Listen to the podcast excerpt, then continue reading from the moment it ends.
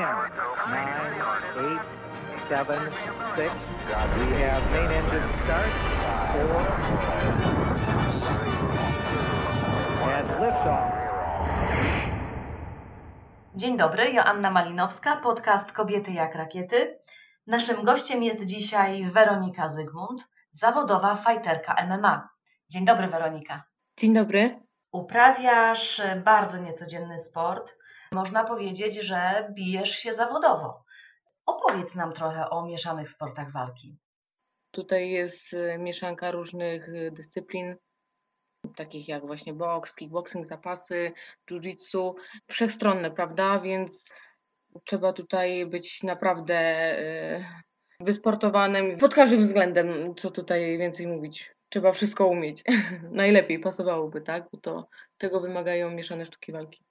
To powiedz, jak wyglądają Twoje treningi? No bo mówisz, trzeba wszystko umieć. To chyba wymaga sporej dawki treningów. Tak, no treningi różnie wyglądają w zależności od tego, jaki to jest czas, czy to jest okres przygotowawczy, czy taki mm, luźny, czy bardziej taki roztrenowania okres, ale generalnie staram się robić tak, żeby była równowaga, albo jeżeli mam ten czas e, taki luźniejszy, że nie ma żadnych zawodów, to staram się podciągać tą płaszczyznę, w której tam się czuję słabiej, którą mam do dopracowania. Jak wygląda Twój taki zwykły dzień? Bo mówisz, że to wygląda inaczej na co dzień, inaczej kiedy przygotowujesz się do walki.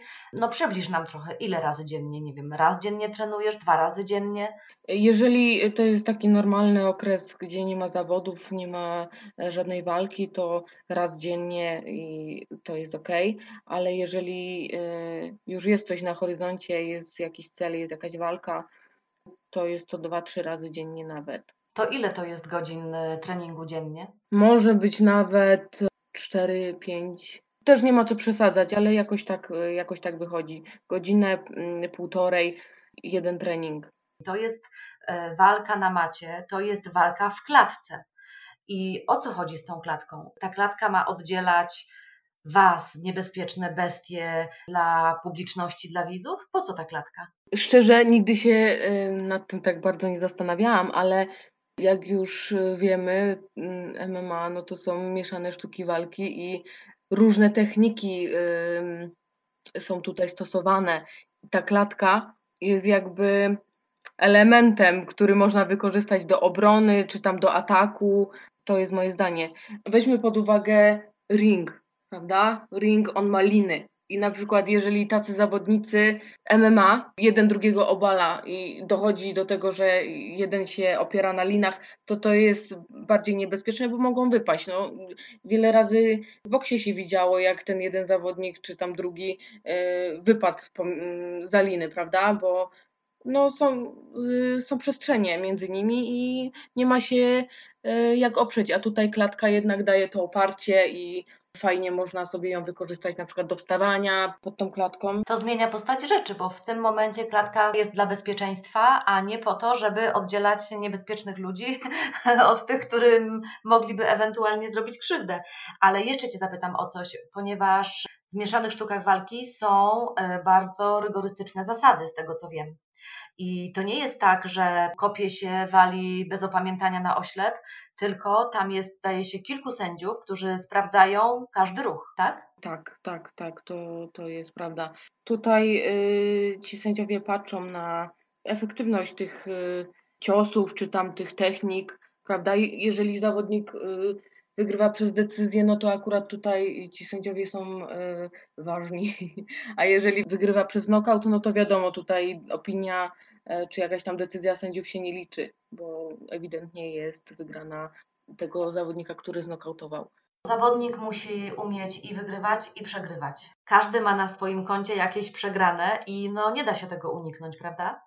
Tak, to prawda. Tak, nawet najlepszym się zdarza. Wiadomo, że fajnie mieć zero tych przegranych, ale mm, no niestety rzadko tak bywa i to, że ktoś przegrał, to nie znaczy, że jest y, gorszy, prawda? Bo te porażki też czegoś uczą i może faktycznie trzeba nad czymś tam popracować. Trzeba się nauczyć, bo to jest zawsze w sporcie, tak? Ktoś musi wygrać, ktoś mu musi przegrać. Myślisz, że można się nauczyć, jak radzić sobie z przegraną? Myślę, że tak i nawet to jest skazane po to, żeby właśnie nie popadać w jakieś tam depresję i nie rzucać od razu sportu, nie obrażać się na sport, bo no niestety to zawsze było i będzie i nawet najlepszym się zdarza. To jak ty sobie radzisz? Co ty robisz, kiedy przegrasz? Oczywiście chwilę po tej walce czy po tych zawodach robię sobie przerwę, ale potem z powrotem wracam, żeby pracować właśnie nad tym, czego mi brakuje, gdzie zrobiłam błąd. I czasami to jest tak, że nie tylko technika, nie, nie kondycja, ale też przede wszystkim głowa, nasze nastawienie um, nam robi właśnie takie pikusy i przegrywamy. Czy ty sama sobie z tym radzisz, czy korzystasz z pomocy, e, no powiedzmy, psychologa? Ja czasami współpracuję z coachem mentalnym i naprawdę bardzo mi to pomaga, bo uświadamiam sobie pewne rzeczy i wzmacniam po prostu wiarę w siebie. Jesteś w stanie podać mi przykład? Jest coś takiego, co sobie uświadomiłaś, co teraz możesz powiedzieć, a czego nie, nie wiedziałaś albo o czym łatwo zapominasz? A ktoś ci powiedział, tak jest i pamiętaj o tym? Mhm. Na pewno y, to jest to, że już w tym sporcie jestem długo, robię to po coś, robię to y, dla siebie i dlaczego mam uważać y, siebie za gorszą od tej przeciwniczki. Właśnie powinnam wyciągać te pozytywne rzeczy, te, te lepsze, te plusy, te atuty i na tym bazować i na tym się koncentrować, a nie, a nie na negatywnych rzeczach.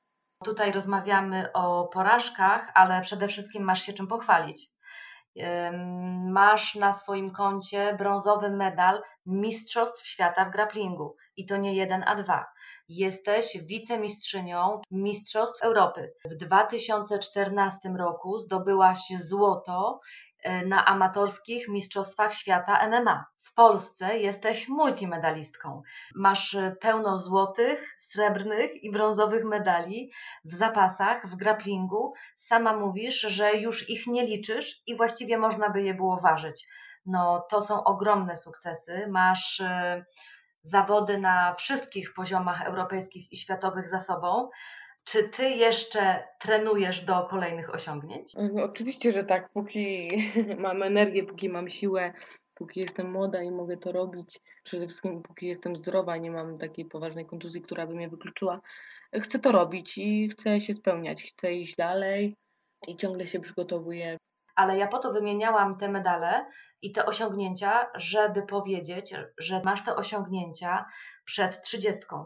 Stawiasz sobie jeszcze jakieś poprzeczki, jakieś wyzwania? Tak, no w sumie to nie ma znaczenia teraz wiek i tak dalej, ile już tego osiągnęłam, ile już e, tego zdobyłam, tylko po prostu to się stało jakby częścią mojego życia, a teraz chciałabym, wiadomo, iść troszeczkę dalej, iść bardziej w świat. Tutaj na pewno każdy zawodnik, każdy fighter się ze mną zgodzi, że najlepszym takim, znaczy szczytem tego wszystkiego, um, uwieńczeniem kariery jest tutaj walka w UFC, choćby jedna. Gdzie trenujesz? Bo rozumiem, że nie sama w domu, tylko masz trenera i trenujesz w klubie.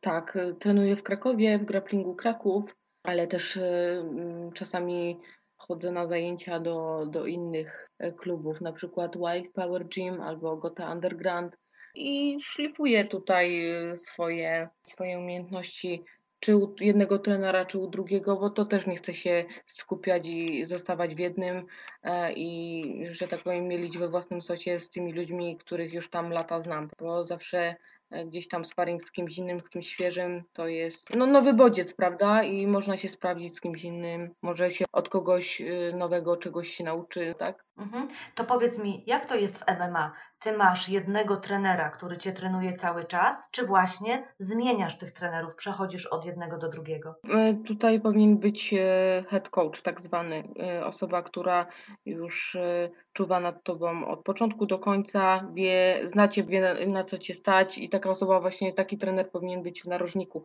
Ale dobrze jest iść do innego trenera, na przykład tak jak tu mówiłyśmy o poszczególnych dyscyplinach, płaszczyznach tutaj od, od, zapasu, trener inny tutaj od kickboxingu, od boksu, a potem ten jeden główny coach, y, trener nadzoruje.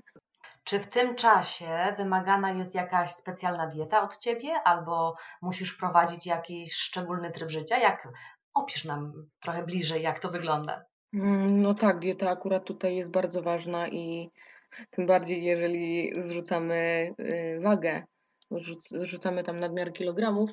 I tutaj najlepiej się konsultować z dietetykiem, chyba że już się zna na tyle e, swoje ciało, to można samemu e, sobie robić tą dietę, żeby osiągnąć ten cel, ten limit wagowy już e, dzień przed, przed walką.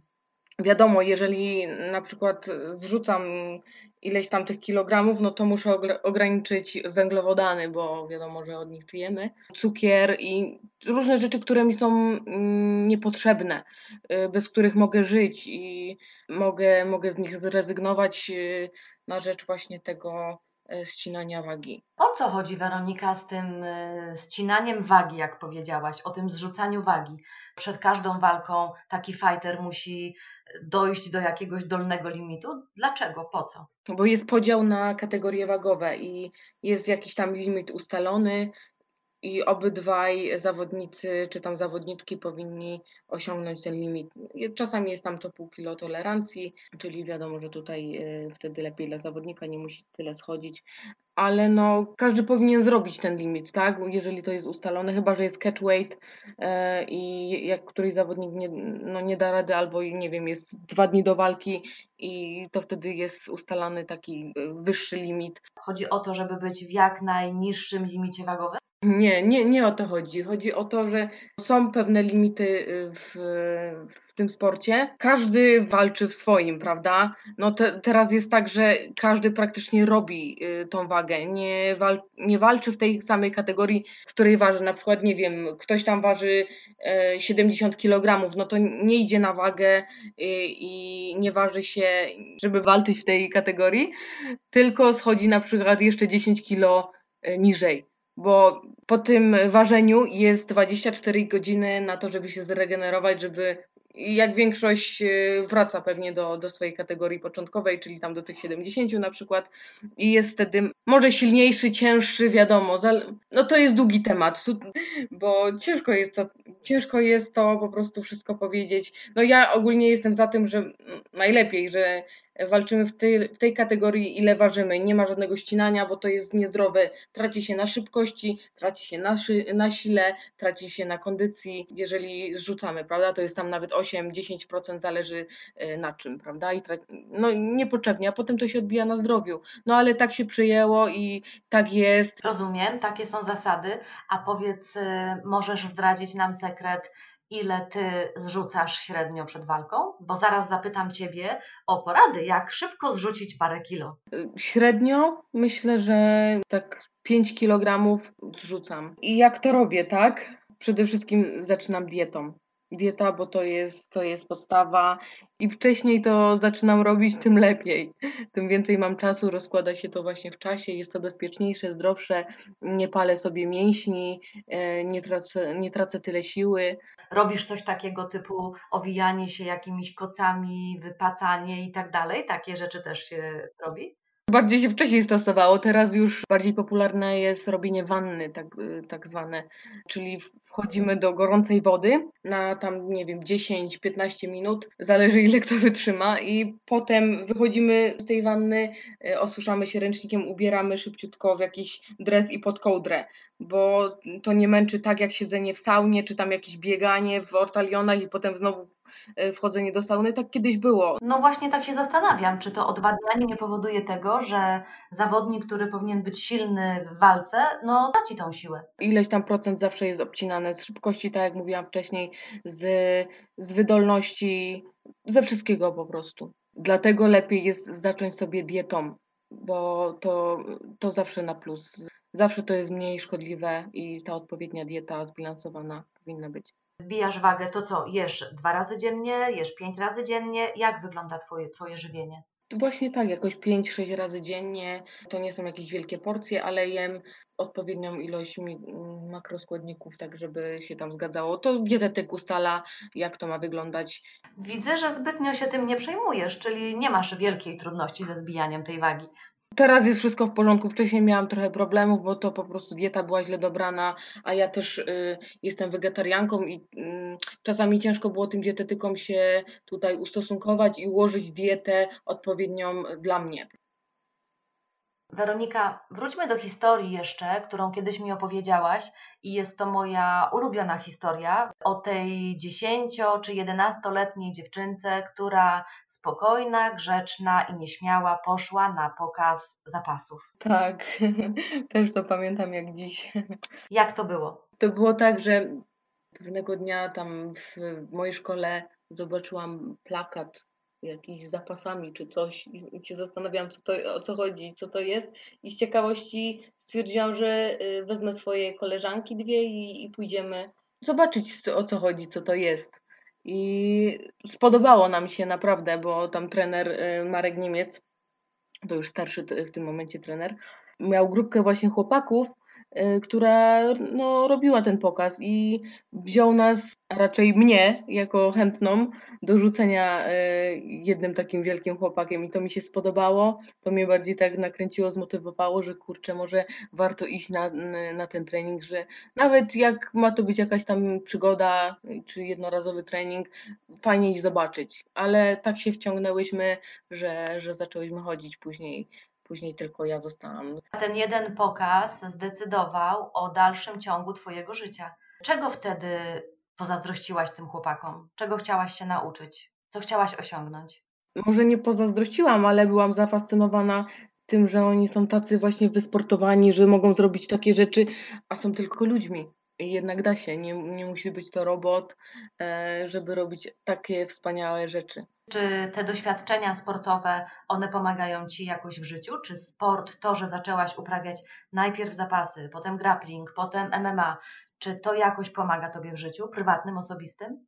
Na pewno pomaga mi lepiej siebie traktować, prawda? Uczy mnie, nauczył mnie y, właśnie charakteru, takiej asertywności, pokory, y, szacunku do, do siebie przede wszystkim, do innych ludzi. I daje mi to szczęście, bo za każdym razem, kiedy idę na trening, e, to czuję, że to jest to, czuję, że żyję, e, więcej endorfin się wydziela i to jest to szczęście, tak? Nawet jeżeli jesteś poobijana i masz siniaki i leje się krew? Nawet, dokładnie. Nawet jeżeli jest siniak, rozbity nos. Jak radzisz sobie z bólem? No bo to jest ból fizyczny przede wszystkim. Jeżeli chodzi o... Y o treningi to nie ma tak, że y, tam jeden drugiego bije tak, żeby nie wiadomo jaki ból sprawić. Wiadomo, że trzeba dostać, bo to jest. Y, każdy wie po co tam przychodzi. I jeżeli na przykład trening jest ciężki, y, to ta walka będzie lżejsza, prawda? A poza tym trzeba się asymilować z bólem. Ale powiedziałaś ciekawą rzecz, że trening jest ciężki, wtedy walka jest lżejsza. Tak, tak, tak jest. Tak, jest łatwiejsza, wydaje się łatwiejsza. Czyli im mocniej trenujesz, tym potem ten, ta walka, która czasami trwa króciutko, 3-4 minuty, może przynieść ci zwycięstwo. Tak, tak. No bo y, walki samej jest tam 15, 15 mm, minut.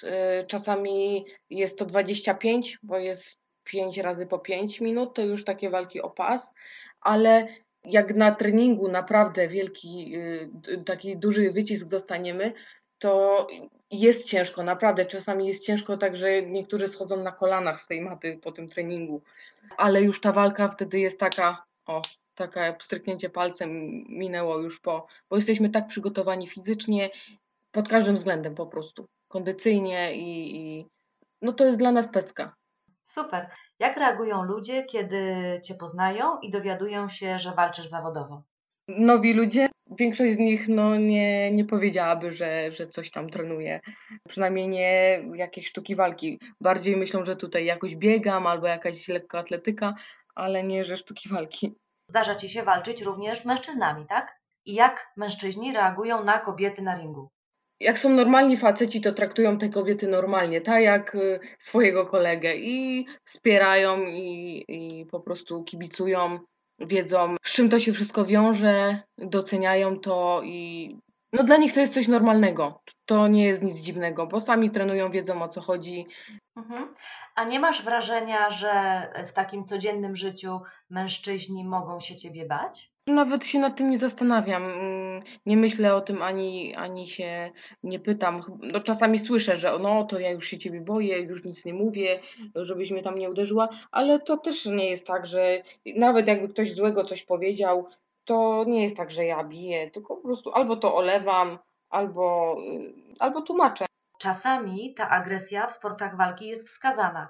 Niewskazana jest w codziennym życiu. To da się pogodzić i jakoś rozwiązać? Jeżeli chodzi o agresję takich y, ludzi, którzy nic nie robią, nic nie trenują, to ja tutaj e, właśnie polecam taki sport, żeby iść, wyżyć się, wyładować nawet na tym worku, zrobić jakiś sparring, założyć te rękawice, bo ta agresja na co dzień w życiu się wtedy zmniejsza. Już tego nie pokazujemy tak ludziom, bo nie mamy siły, nie mamy takiej potrzeby, bo jesteśmy e, spełnieni, jesteśmy wyładowani. Oczywiście każdy ma tam różne swoje problemy i może z, z jakichś tam dziwnych y, rzeczy wynikać ta agresja. A natomiast jeżeli chodzi o walkę już taką sportową, ta agresja jest potrzebna, ale nie taka agresja, żeby nas gubiła. Bo jeżeli jesteśmy my agresywni, nasz umysł jest zły, to myślimy o tym, co my zro możemy zrobić temu przeciwnikowi, co my możemy zrobić y, jemu, jaką krzywdę, co chcemy mu zrobić, ale nie to, co on może nam zrobić. Tak przynajmniej, przynajmniej myślę. Ja może czasami jestem zbyt spokojna w czasie walki, ale yy, no po prostu tak mam. Tak mam, taka jestem. Nawet jeżeli ktoś tam coś yy, mówił złego, czy przeciwniczka, tutaj mam yy, na myśli przeciwniczkę, to ja nie jestem zła. No walczymy, tak? Pokaże walka, która lepsza. Oaza spokoju. No to dokładnie tak. Kim byś była, gdybyś nie walczyła zawodowo? Pracuję, y, oprócz tego, że walczę, pracuję również jako masażystka i pewnie tak by było. Uważam akurat tutaj, że i sport, i y, masaż idą w parze. Jest jeszcze jedna Twoja pasja, o której tu nie wspomniałyśmy na razie. Jest nią muzyka. I wchodzisz na ring aktualnie do rytmu utworu Remember My Name, Mino.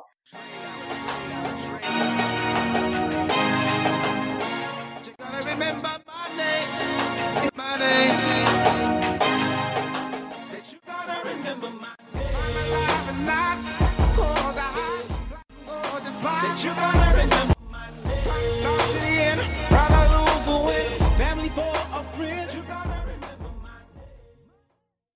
to jest Twój ulubiony utwór w tej chwili? W tym momencie tak, ale y, w zależności od tego, jaki mam nastrój, to zmieniam tą muzykę. Ale oczywiście słucham też y, różnego innego rodzaju muzyki i to nie jest tylko mhm, ten utwór. Nie tak, że w kółko słucham. Bardzo lubię muzykę latynoską, więc y, to też mi daje takiej e, energii, takiej pogody mm, po prostu ducha i e, nastraja mnie fajnie. Z jednej strony zawodowa fajterka MMA, kobieta silna, energiczna, no można powiedzieć czasami brutalna, a z drugiej strony masażystka, lubiąca muzykę, lubiąca muzykę właśnie latynoską, relaksująca się przy tym, to jest jakby taka twoja druga twarz. Dwie strony medalu. Dokładnie. Nie ocenia się książki po okładce, jak to się mówi. Hmm. Na pewno ci ludzie prawią komplementy, bo jesteś ładną kobietą.